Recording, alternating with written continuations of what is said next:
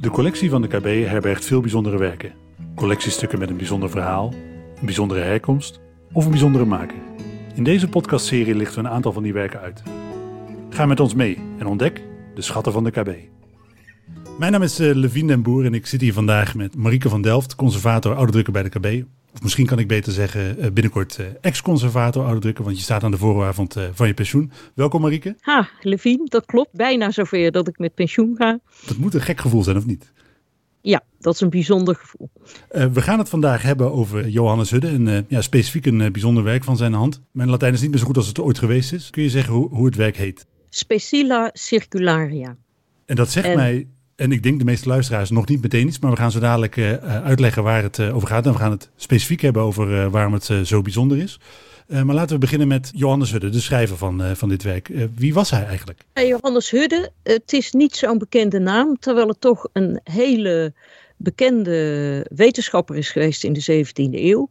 Hij is geboren in 1628 en overleden in 1704. En hij was de zoon van een Amsterdamse koopman. En zijn familie behoorde tot de regenten, dus de top van de maatschappij. Hij heeft waarschijnlijk, daar gaan ze vanuit, gestudeerd, zijn bachelor zou je het nu noemen, aan het Atheneum Illustre in Amsterdam. En vervolgens heeft hij zich ingeschreven in Leiden als student wiskunde. Dat hij zich ging verdiepen in de wiskunde, dat was wel heel bijzonder. En hij was daar ook heel getalenteerd in. Ja, je zegt hè, getalenteerd. Waar, waar, blijkt zijn talent dan uit? Anders dan uit het werk wat we zo dadelijk gaan bespreken? Nou, hij heeft gestudeerd bij Frans van Schoten de Jongere. En dat was een uh, wiskundige die onderwijs gaf in de Duitse mathematieken. En dat was een, een, een studierichting in Leiden waar meer praktische wiskunde in het Nederlands gedoseerd werd voor landmeters. En die Frans van Schoten junior, de jongere, die had zich ook verdiept in de wiskunde van Descartes. En daar heeft hij met, van het werk van Descartes, heeft Frans van Schoten met een aantal van zijn studenten een vertaling gemaakt. En Hudde was een van die studenten. Nu is het zo, hè? Hudde gaat dan eh, studeren, gaat wiskunde studeren. Hij bedrijft die wiskunde eh, op latere leeftijd ook. Maar uiteindelijk, als je naar zijn eh, loopbaan kijkt, zijn levenspad, doet hij ook heel veel andere dingen. Kun je daar iets meer over vertellen? Ja, nou, dat is, uh, ik denk wel eens, uh, of als je aan Hudde denkt, het bloed kruipt waar het niet gaan kwam. Hij was natuurlijk uit zo'n familie toch eigenlijk bestemd om bestuurder te worden. En hij heeft in zijn jonge jaren dus zich met die wiskunde bezig gehouden. Hij heeft ook in kringen van bekende wiskundigen en filosofen verkeerd. En wiskunde en filosofie, zeker in die dagen, dat hing nog heel erg samen. Maar ja, op een gegeven moment is hij toch geroepen tot het bestuur van de stad Amsterdam. Hij is daar thesaurier ordinaris geworden en vervolgens uh, burgemeester. Nou was burgemeester toen een andere functie dan nu. Nu heeft een stad één burgemeester. In die tijd waren er meer. En je werd ook benoemd voor een bepaalde termijn. En Hudde is 21 keer burgemeester van Amsterdam geweest. Dus in feite ja, is hij toch op een gegeven moment in die bestuurlijke regionen uh, terechtgekomen. En misschien ook wel toch bewust, omdat hij was wel iemand die ook de praktische toepassing van de wiskunde heel erg belangrijk vond. Dus hij heeft zich verdiept in de fundamentele wiskunde en mensen schreven soms ook wel dat ze het betreurden dat hij daarmee opgehouden was om daarin door te gaan. Maar hij had zelf veel meer oog voor wat kun je nou met die wetenschappelijke kennis doen. En dat heeft hij ook wel toegepast in de tijd dat hij in het bestuur van de stad Amsterdam zat. Heb je, heb je daar voorbeelden van, van, van die praktische toepassingen? Jazeker. Hij heeft zich bezig gehouden met de stand van het water in Amsterdam en de water, drinkwatervoorziening. En je hebt nu nog in Amsterdam zogenaamde huddestenen die ingemetseld zijn in de grachten. En daarop kon je zien hoe hoog het water stond. Er staat ook over hem geschreven, hij was eigenlijk nog meer ingenieur dan wiskundige. Op een moment in zijn loopbaan schrijft hij dus het uh, werk De Specila Circularia. W ja. Wanneer schrijft hij dat? Uh, op welk moment schrijft hij dat ongeveer? Ja, dat schrijft hij nog voor hij bestuurder werd. Hij uh, is in 1667 uh, toegetreden tot uh, het stadsbestuur van Amsterdam. Maar dit boekje is verschenen in 1656. En ja, hij zat ook een beetje in de kringen van Spinoza. En hij hing de wiskunde van en de filosofie van Descartes aan. En die was in die periode niet helemaal uh, geaccepteerd. De kerk was er eigenlijk heel erg tegen. Dat zijn ook uh, behoorlijk felle debatten geweest. Het heeft er in ieder geval toe geleid dat dit pamfletje waar we het nu over hebben, want het is een heel klein boekje van acht pagina's, dat dat uh, anoniem verschenen is. Er staat geen naam op, dus geen auteursnaam. En er staat ook niet op waar het gedrukt is. Waar gaat het eigenlijk over? Ja, het gaat over lenzen. En lenzen, dat was ook zo'n hot issue waar heel veel mensen zich in de 17e eeuw mee bezig hielden. Dus hoe je door lenzen uh, de wereld kon bestuderen. En of dat nou de wereld in het klein was met een microscoop, of uh, de wereld in het groot, het heelal. Maar veel mensen dachten daarover na. En bijvoorbeeld van Spinoza is ook bekend dat die, die is op een gegeven moment vanwege zijn ideeën uit de kerk, uit de Joodse eh, gemeenschap gezet. En die is toen de kost gaan verdienen met het slijpen van lenzen. Dus lenzen was echt wel iets waar veel mensen zich mee bezig hielden. Maar het is een, paar, een boekje van acht pagina's. Ik heb nog niet echt het gevoel waarom dat nou bijzonder is. Nou, wat er bijzonder aan is, is dat uh, Hudde hier een probleem tackelt waar veel mensen zich mee bezig hielden. Namelijk dat als een beeld door een lens gaat, dan wordt het gebroken. En je krijgt een helder beeld als al die uh, stukjes op het brandpunt bij elkaar komen. En door die bolle lenzen breken dus de stralen. En als het, dan komt dat niet precies in één punt samen. En dan krijg je een, een minder scherp beeld. En wat Hudde in dit boekje laat zien, is dat als je het beeld door een klein diafragma laat vallen, dat het dan weliswaar die, die, die stralen niet op precies het brandpunt samenkomen, maar dat die afwijking te verwaarlozen is. Want dat is uh, misschien ook wel wat hem toch een beetje kenmerkt, dat hij uiteindelijk uh, niet een zuiver theoretisch wiskundige was, maar inderdaad is vooral praktisch ingesteld. Ja, hij was heel praktisch ingesteld en hij zocht vooral naar praktische toepassingen van de wiskunde. En dat kon hij misschien alleen maar doen, juist omdat hij zo getalenteerd was, dat hij ook heel goed in kon schatten wat nou echt belangrijk was of wat dus op een bepaalde manier uh, verwaarloosbaar was. Hij lost hier dus een uh, concreet probleem op, dat valt te ja. prijzen. Dat doet hij in acht pagina's, ook heel knap. Uh, maar waarom is dat werk wat wij nu als KB hebben, waarom is dat werk op zich zo bijzonder? Ik kan me voorstellen dat er redelijk veel van gedrukt zijn. Ja, dat is dus niet zo. En het is ook nog niet helemaal duidelijk wat het nou precies is. Of het echt een boekje was dat bedoeld was om verspreid te worden, of dat het een drukproef was. Er is wel van bekend dat er meerdere exemplaren van moeten hebben bestaan. Want de hoogleraar waar Hudde bij gestudeerd heeft, die Frans van Schoten, de jongen, die uh, schrijft op een gegeven moment aan Huygens, de Constantijn Huygens, de wiskundige. Ik heb zo tekstje hier gezien in Leiden. En heb jij dat geschreven? Want het zit wel in het verlengde van de dingen waar jij mee bezig bent. En Huygens uh, zegt dan, nou nee, ik ken het niet. En dan zegt Van Schoten, nou dan stuur ik het wel naar je op, want ik heb er zelf toch nog één. En Spinoza heeft er waarschijnlijk ook één gehad. Dus we weten in ieder geval dat er meerdere bestaan hebben. Maar waarom dit zo belangrijk was, kijk, ik werd op een gegeven moment benaderd door uh, Huip Zuidervaart, die toen nog bij Huygens ING werkte. En die was helemaal, uh, laten we het uh, populair, hyper noemen. Want dit ding kwam op de veiling en dat moest in Nederland komen. En het was zo'n belangrijk stuk. En ja, ik dacht toen van ja, inderdaad, wat jij nu ook zegt, goh, acht pagina's. En Hudde is ook niet de meest bekende wiskundige. Waarom is het dan zo belangrijk? Maar toen bleek dat het binnen de kring van wetenschapshistorici is deze tekst heel bekend. En twintig jaar geleden hadden al twee wetenschapshistorici, Rink van Meij en IJzer Aitsma, op basis van een handschrift, twee handschriften eigenlijk, één in het Leibniz-archief en één in de Royal Institution in Londen een reconstructie van de tekst gemaakt. Maar zij wisten ook weer niet of die reconstructie klopte. En toen dus deze tekst boven water kwam, ja, toen was iedereen helemaal enthousiast. Dit moet gewoon voor Nederland bewaard blijven. Als een, een instituut of bibliotheek of wat dan ook dit in de kast had staan, dan, dan wisten ze dat toch?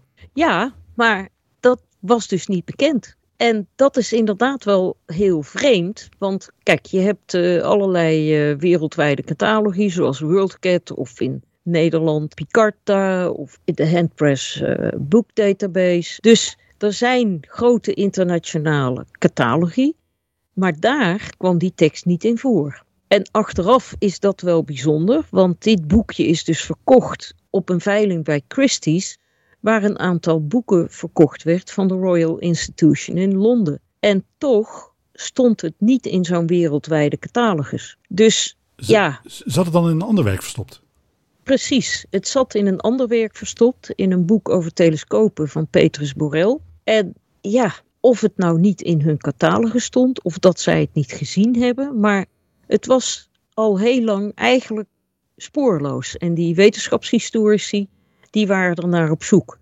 En ik moet je zeggen, toen ik dus hoorde, het zit in het boek van Borel, dacht, wacht even, dat boek hebben wij ook. De KB. Dus toch even kijken of het tot daar misschien in voorkomt. Nee, daar kwam het niet in voor. En ik ben toen wel verder gaan kijken. Maar kijk, wij zijn nu eraan gewend dat een uitgever bepaalt hoe een boek op de markt komt. Maar dat was in de vroegmoderne tijd niet. Uh, boeken werden verkocht in losse vellen. En een koper kon dan een boek laten binden. En die kon dus zelf zeggen: Nou, ik heb hier dat boek van Borel. En dat boekje, dat, die tekst van Hudde over de uh, lenzen, die past hierbij. Dus dan laat ik die bij elkaar inbinden. Is het dan ook zo dat je op basis van de manier waarop zo'n boek ingebonden is, kan achterhalen waar het boek vandaan is gekomen?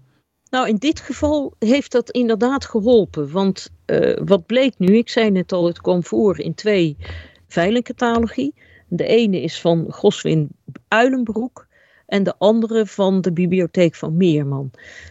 In beide veilingcatalogie staat het beschreven. En in beide veilingcatalogie is het onderdeel van eh, of is het meegebonden in een ander boek? En als je dat, dat boek kijkt van Uilenbroek, daar zitten hele andere teksten in. Dus dit is niet dat boekje. Dus ergens ter wereld is er nog één. Of dat is verloren gegaan, dat kan natuurlijk ook.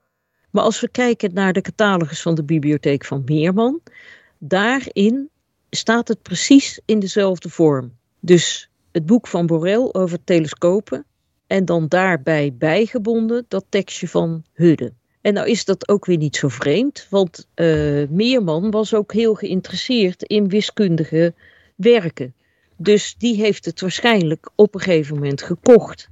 En ja, toen is het in zijn bibliotheek terechtgekomen en vervolgens weer verkocht. Dat werk duikt op een moment op bij een uh, veiling van Christie's. Er staan uh, wetenschapshistorici aan jouw bureau te rammelen. We moeten dit hebben. Je zei al, we hadden eigenlijk al een versie van dit boek, uh, minus dan die acht pagina's, in onze kast staan. Waar, waarom hebben wij dit dan toch aangeschaft? Ja, dat is wel iets waar ik een tijd over nagedacht heb en ook wel met anderen over gesproken heb. Kijk, het is een, een, een, een tekst belangrijk voor de wetenschapsgeschiedenis. Dan zou het eigenlijk ook heel goed bij Museum Boerhaven in Leiden hebben gepast. Dus die hebben, daar hebben we contact mee gezocht, maar die hadden niet de intentie om het te kopen. Het is een boek uit de collectie van Meerman. En Gerard Meerman, dat zei ik net al, die heeft in zijn jonge jaren ook dit soort werken verzameld. Dus het zou ook daar passen. Ik heb dus ook contact met uh, Meermanno, nu Huis van het Boek, opgenomen. Toen zeiden ze daar ook dat ze niet van plan waren om hierin te gaan investeren. Dan weet je, er komt een uniek boek op de veiling. Het is een boek dat van belang is voor de wetenschapsgeschiedenis van Nederland. Iemand anders is geen gegadigde. Ja, wat doe je dan?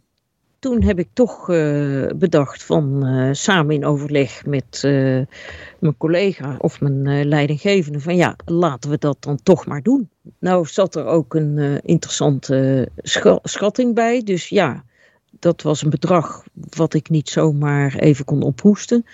Dus toen zijn we ook fondsen gaan werven en we hebben de vrienden van de Koninklijke Bibliotheek bereid gevonden om ons hierbij te ondersteunen. Ja, dan heb je het geld en dan moet je nog zien dat je dat boekje ook te pakken krijgt op die veiling in Londen. Want dat is, neem ik aan, heel spannend. Je weet dus dat er een werk komt wat nergens anders ter wereld uh, beschikbaar is. Wat van belang is uh, voor de collectie in Nederland. En dan, dan, dan, ga, je naar, ga je dan zelf naar een veiling? Of hoe werkt dat precies? Nou ja, dat kun je op verschillende manieren doen. In dit geval heb ik besloten dat ik zou vragen om een veiling, een veilingenhouder, een antiquaar in Londen te vragen om voor ons te gaan bieden. Er zijn allerlei mogelijkheden, maar ja, je schat dat ook een beetje in. Wat is verstandig om te doen? En in dit geval leek het me verstandig om iemand in Londen te vragen om daar naartoe te gaan. Die kent de wereld daar, die kent het veilinghuis, die weet hoe die daar zich op moet stellen. Veilingen zijn natuurlijk ook toch, het is uh, onzeker. Je weet het niet. Kijk, als je een boek bij een antiquaar aangeboden krijgt, ja, dan weet je, oké, dat boek is daar en die antiquaar vraagt er dat voor en ik wil het hebben, klaar. Maar bij zo'n veiling zijn er natuurlijk altijd meer kapers op de kust en je kunt ook misgrijpen. Als er toevallig net iemand in de zaal zit die het net zo graag wil hebben als jij en die meer geld heeft, ja, dan heb je pech. Gebeurt dat vaak in eh, jouw vakgebied, dat je ernaast grijpt? Ja, het gebeurt wel. Ja, het komt toch wel geregeld voor. Dus ik kan me voorstellen dat je dan ook met deze veiling best wel gespannen was. Ja, ja dat klopt. Ik uh, kreeg op een gegeven moment ook een mailtje van die man van uh, we have it. En ja, dat is dan wel heel fijn. Dan verwerf je dus dat werk, dan komt het naar Nederland. En dan, dan verdwijnt het bij ons in de kast? Of wat doen we er dan eigenlijk precies mee? nou, het verdwijnt niet, want het is voor iedereen beschikbaar. Maar het komt naar Nederland, dan uh, bekijken we het natuurlijk. Van, is het wat we ervan verwacht hadden? En dit is ook nog wel bijzonder, want... Uh, nou, het is helemaal zichtbaar op de website van de Koninklijke Bibliotheek. En iemand heeft er ook bij geschreven dat de tekst van Hudde is. Dus toen was al wel bekend dat het zijn tekst is. Maar goed, je bekijkt het, hoe ziet het eruit? En dan zorg je dat het beschreven wordt in de KB-catalogus. En dan is natuurlijk ook de vraag, wat doen we er nu mee? Want het is een bijzonder werk en dan wil je dat ook wel bekendmaken. Die, die wetenschapshistorici die stonden natuurlijk voor aanvang van die veiling aan jouw bureau. Van hè, dit moeten we hebben, dit moeten we hebben. Die waren natuurlijk ook dolgelukkig toen je dit aangeschaft had. Precies, ja. En dat was toch echt wel een clubje van een man of vier. Die, uh, en uh, ja, het waren allemaal mannen. Uh, die allemaal inderdaad stonden te rammelen van ja, fijn als je het doet en mooi en naar Nederland. Ja, en toen het eenmaal binnen was, heb ik ze ook gemaild. En zijn ze op een gegeven moment naar de KB gekomen om te bekijken. En ja, die gingen helemaal uit hun dak, omdat het... Kijk, dan kom je bij die historische sensatie. En er wordt ook wel eens gevraagd aan mij: waarom is het nou zo belangrijk dat je van die oude drukken koopt? Ja, die oude drukken die vertegenwoordigen toch een direct contact met het verleden. Ze hadden wel zo ongeveer die tekst gereconstrueerd, maar hier hadden ze echt het object dat door Hudde geschreven is en konden ze ook precies echt zien hoe het opgeschreven was. En ja, dan kom je bij de historische sensatie. Nou, dat is, uh, was bij hun heel duidelijk te zien. Is het nou ook zo dat dit werk ons iets meer inzicht geeft in hoe hij is? Of want je zegt al, het, werk was natuurlijk gereconstrueerd. Maar halen we daar dan nog bijzondere elementen uit die eerder niet bekend waren? Ja, in ieder geval hoe de tekst dus echt was. Want daarvoor was er alleen maar een reconstructie. En ja, dat is wel een nieuw aspect. Dat je ook echt kunt reconstrueren hoe heeft hij nu gedacht.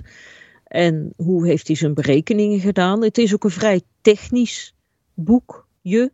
En het is ook in het Latijn. Dus uh, ik lees dat ook niet zo vlot, uh, wat jij uh, zei. Ja, mijn Latijn is ook niet meer wat het geweest is. En dit is sowieso een wiskundige en filosofische tekst. Maar zeker voor die wetenschapshistorici heeft het wel nieuwe inzichten opgeleverd.